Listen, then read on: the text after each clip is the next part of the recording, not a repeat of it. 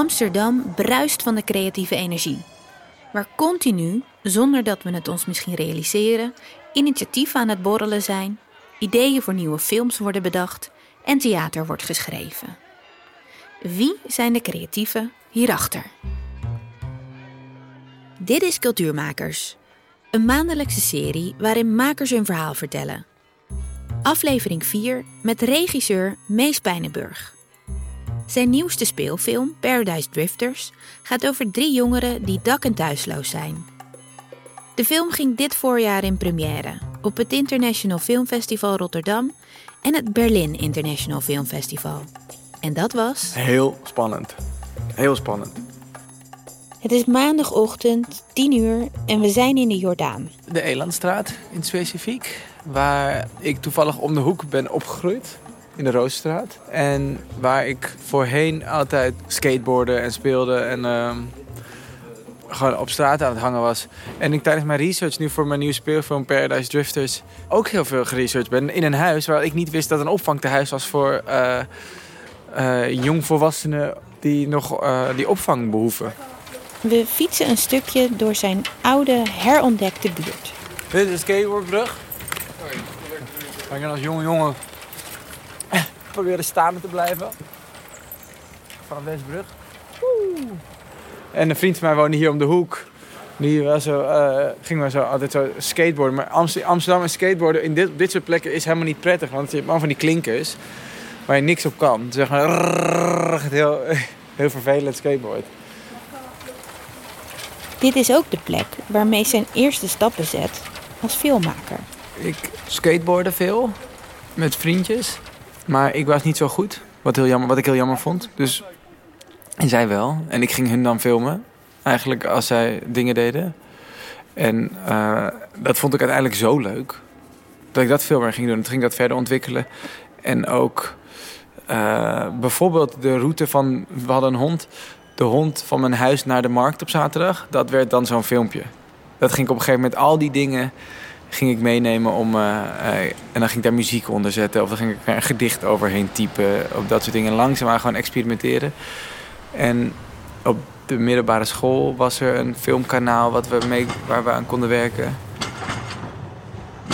Mees gaat naar een korte carrière als acteur naar de Filmacademie in Amsterdam. Om zich te richten op regisseren. Na zijn afstuderen maakt Mees verschillende korte films en de tv-film Geen Koningen in ons bloed. En nog voordat de film op tv verschijnt, gebeurt hem dit. De winnaar is. Er zit ook een juryrapport bij, dat lees ik even voor.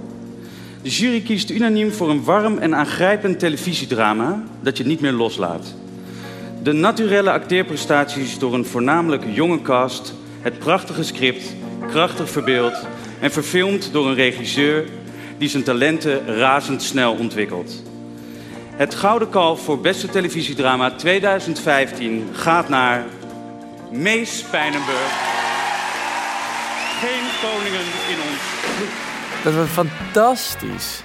Dat was uniek voor mij. Zeg maar. ik, vind, ik heb altijd opgekeken, raar genoeg. Zeg maar. ik, ik hecht niet extreem veel waarde aan prijzen. Maar het is, erkenning is altijd fantastisch natuurlijk. Dat hoeft niemand te ontkennen.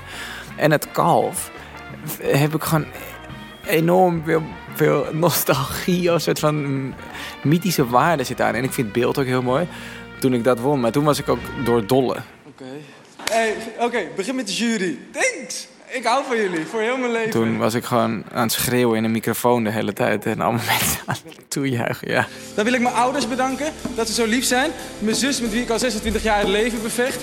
En mijn aller, aller, allerliefste meisje in de wereld. Bij wie ik de zoektocht naar de liefde heb mogen vinden. En die me elke dag verwondert. Dit kalf is voor liefde dat hij altijd mag zegenvieren.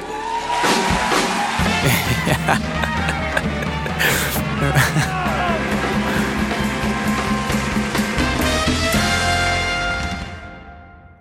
Na dit fantastische succes wil Mees goed nadenken over de volgende stap in zijn carrière. Ik was in Japan. Dat was wel geinig.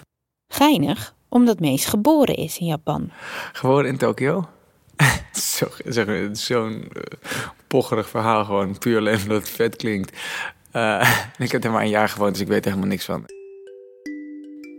De reden dat Mees daar ter wereld kwam, was omdat zijn moeder manager was van het Holland Paviljoen tijdens de Wereldexpositie die in 1990 in Osaka werd gehouden. En uiteindelijk kon zij zo vloeiend Japans dat ze uh, zelfs de keizer ontmoet heeft. En mijn zus staat op de foto met de keizer en al dat soort hele coole dingen. En ik was er toen nog niet, jammer genoeg.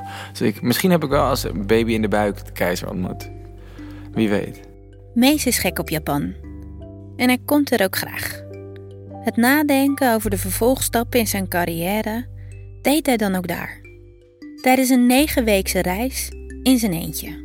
Ik had voor mezelf na, na, voor mijn, na afstuderen bedacht van ik ga drie jaar werken.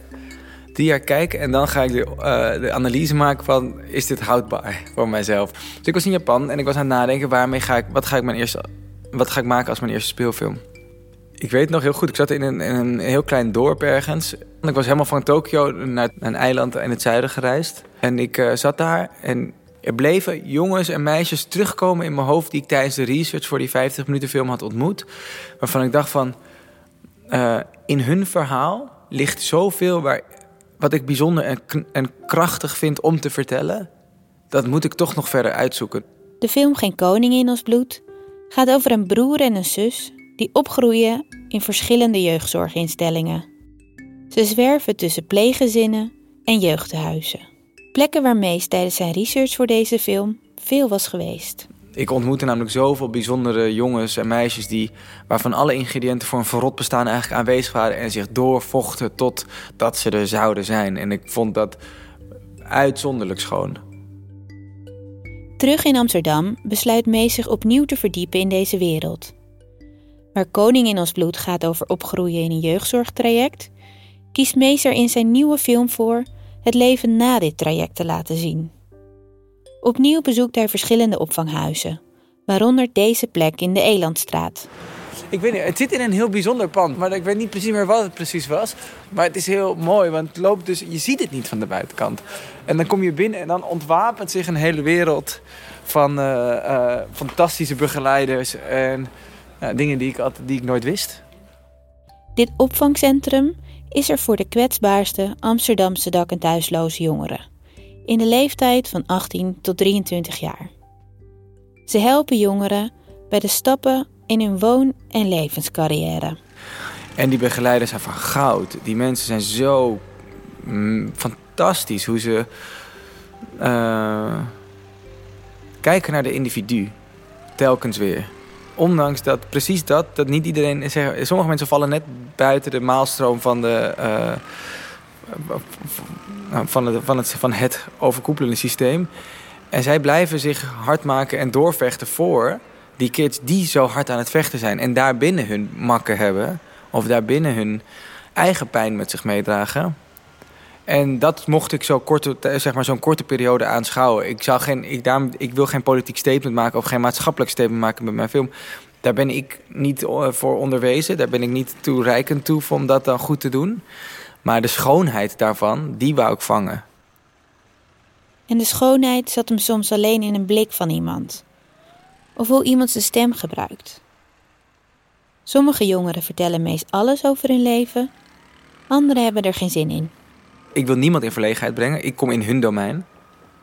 Dus als zij zeggen van we willen je niet... Er wordt natuurlijk gevraagd van is het oké als er iemand komt? Dat wordt allemaal vooraf gedaan. En als zij uh, niet willen, ja, dan, dan, dan ben ik de laatste die daar wil zijn. Ik snap dat het... Uh, uh, ik wil niemand het gevoel hebben dat ik aapje kom kijken. Zodra dat er zou heersen, zou ik echt heel verdrietig worden... van het gevoel, het gevoel als ik dat iemand heb aangedaan. Na een stevige researchperiode begint Mees met het scenario voor de film. Het begint in Amsterdam, jongen wordt 18. Betekent dus wat voor mij een hele feestelijke dag was... en voor vele anderen, je wordt 18 en uh, de wereld ligt aan je voeten... is voor hem een hele spannende dag en een hele enge dag... want hij wordt losgelaten daarbinnen. Dus het is een hele duale dag. Uh, letterlijk, hij staat diezelfde dag nog op straat. Dan hebben we een meisje. Zij uh, is ongewenst zwanger en komt voor de vraag wat gaat ze met het kind doen? En besluit um, ja, dat kind te gaan verkopen. Hopend dat ze met dat geld uiteindelijk los kan breken van alles waar ze in vast zit. En nog een ander verhaal van een jongen die eh, de problemen van zijn broer probeert op te lossen. Die, uh, Dak en Thuis was ook een jongen, probleem van zijn broer probeert op te lossen die in de gevangenis zit. En daardoor steeds verder in de problemen komt zelf. En die drie verhalen treffen elkaar. Naast Amsterdam is de film in verschillende Europese steden opgenomen. Bijvoorbeeld, we draaien in een buitenwijk van Marseille. En we krijgen de opdracht om uh, dat we alleen maar tot 11 uur een bepaalde richting in kunnen draaien. Als we daarna dat nog zouden zouden beschoten worden met Kalashnikovs. Dus wij, braaf, om kwart voor elf draaien we de andere kant op. Het bijzondere was van mijn crew en van iedereen die meedeed, niemand was bang. Niemand was geïntimideerd op die manier. Iedereen deed mee. Uh, maar het was ook een mega bevestiging van waarom we die film maakten. En waarom op die plek, daar gelden andere wetten, daar gelden andere regels en daar ben je dienstbaar aan. Marseille was niet de enige plek waar het spannend was. In Barcelona draaiden we in een zigeunerwijk. En daar hadden ze vooraf gezegd... er is een optie. We draaien tussen hele mooie flats. Echt een supermooie wijk. Uh, en jullie kunnen met stenen bekogeld worden. En we zaten zo precies in zo'n fuik van omringd door flats. En ik snap het, hè. Wij komen intimiderend met een ploeg mensen ineens filmen in een plek die niet van ons is. Dus iedereen is veel voorzichtig. We draaien met een mini-crew, dus een kleine groep mensen. Maar je hebt natuurlijk mensen die dat alsnog niet prettig vinden. Dus de eerste dag is er wat geschreeuw, niet per se heftig. Maar wij denken, uh, moet nog, zeg maar, het zou kunnen dat we dus met een steen in één keer bekogeld worden. In het midden van de dag komt er een tomaat naar beneden. Iemand wordt geraakt met een tomaat. En dat was het. Het is nooit bedreigend geweest. Raar genoeg misschien, want er waren wel de, waren genoeg momenten, of waren aanleidingen geweest van ja, als je de optie hebt dat je met een steen bekogeld wordt, moet je het dan nog wel doen. Maar precies dat waren telkens de bevestigingen. Ja, daarom zijn we er. Omdat, we, uh, omdat het niet een gemakkelijk leven is. En helemaal niet als je in die omstandigheden uh, terechtkomt. En dat niet gemakkelijke leven ontdekte Mees dus niet alleen in de buitenwijken van Marseille en Barcelona, maar ook in zijn eigen stad. Zeg maar, de stad is zo rijk van bijzondere zielen en, en zo divers dat dat telkens het goed is om dat te blijven beseffen. En dat ontstond wederom met deze film. Dat ik dacht van, oh ja, het is overal. Amsterdam is mega bijzonder. De wereld is mega bijzonder. Dat is het. Zeg maar, het is niet alleen Amsterdam en daar, zeg maar, om niet de rest van de wereld uit te sluiten. Zeker niet, want, maar het is wel... Ik blijf de stad elke dag weer herontdekken. Nu zijn film uit is, keert Mees opnieuw terug naar de opvangplekken. Uh, we gaan losse vertoningen doen voor verschillende instellingen. In verschillende gedeelten van uh, Nederland. Eigenlijk per provincie gaan we proberen dingen op te zetten. Bijvoorbeeld de, die 50 minuten film die ik gemaakt heb... die wordt nog steeds vertoond op plekken die, waar ik langs geweest ben. Waar ik extreem trots op ben. Of echt heel gelukkig over ben. Want dat, is wel, dat was het mooiste compliment toen ik dat hoorde. Dat, dat, dat er veel jongeren in bepaalde posities zitten... die daar dan een steun aan hebben. Of dat ze dat denk van... Dan breekt mijn hart van uh, geluk van wauw, wat fantastisch. En ik hoop dat dat met deze film ook mag gebeuren.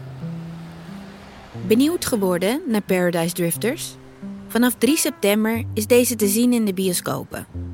Zijn eerdere films kun je bekijken via de links die we voor je in de show notes hebben gezet. Dit was Cultuurmakers, een podcast van Uit in Amsterdam de culturele uitagenda van Amsterdam en omgeving. Interviews en montage Babette Rijkoff, techniek Arno Peters. Wil je meer verhalen van cultuurmakers? Kijk dan op iamsterdam.nl/slash uit. Volgende maand een nieuwe aflevering. Tot dan. Ik moet mezelf misschien wel weer een nieuw doel stellen voor over negen weken Japan op een gegeven moment. Sowieso een goed idee. En dan gaan we vriendinnetje mee. En uh, hopelijk in heel veel mooie nieuwe avonturen terechtkomen. Wat een zin. Terechtkomen in mooie nieuwe avonturen. In, in nieuwe avonturen terechtkomen. Vind ik wel.